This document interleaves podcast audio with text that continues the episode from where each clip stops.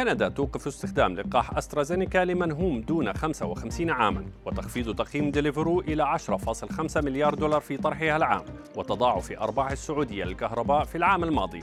أبرز الأخبار الاقتصادية خلال الساعات الأربع والعشرين الماضية في الدقيقتين على العربية بودكاست.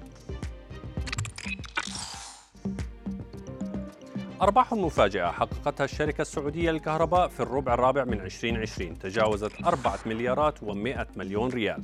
لتنهي العام بأرباح فاقت 3 مليارات ريال بزيادة 118% عن العام السابق. السبب الأساسي للأرباح يعود إلى قرار اللجنة الوزارية لإعادة هيكلة قطاع الكهرباء باعتماد تنظيم إيرادات الشركة. في كندا علق مسؤولو الصحة تقديم لقاح أسترازينيكا لمن تقل أعمارهم عن 55 عاما وذلك بسبب التخوف من أن أن يسبب اللقاح تجلطا في الدم في حالات نادرة. كما مددت الدنمارك تعليق استخدام اللقاح ذاته لمدة ثلاثة أسابيع إضافية. فيما قررت السويد تقديم اللقاح فقط لمن تزيد أعمارهم عن 65 عاما.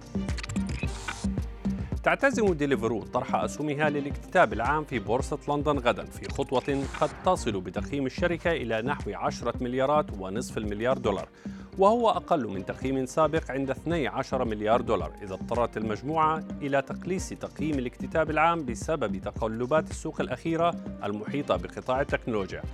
هذا الطرح قد يصبح الأكبر في بورصة لندن في أكثر من عشرة سنوات وذلك في ضوء ارتفاعات هائلة في مبيعات الشركة بسبب فترات الإغلاق وتهافت الإقبال على طلب الطعام عبر الإنترنت.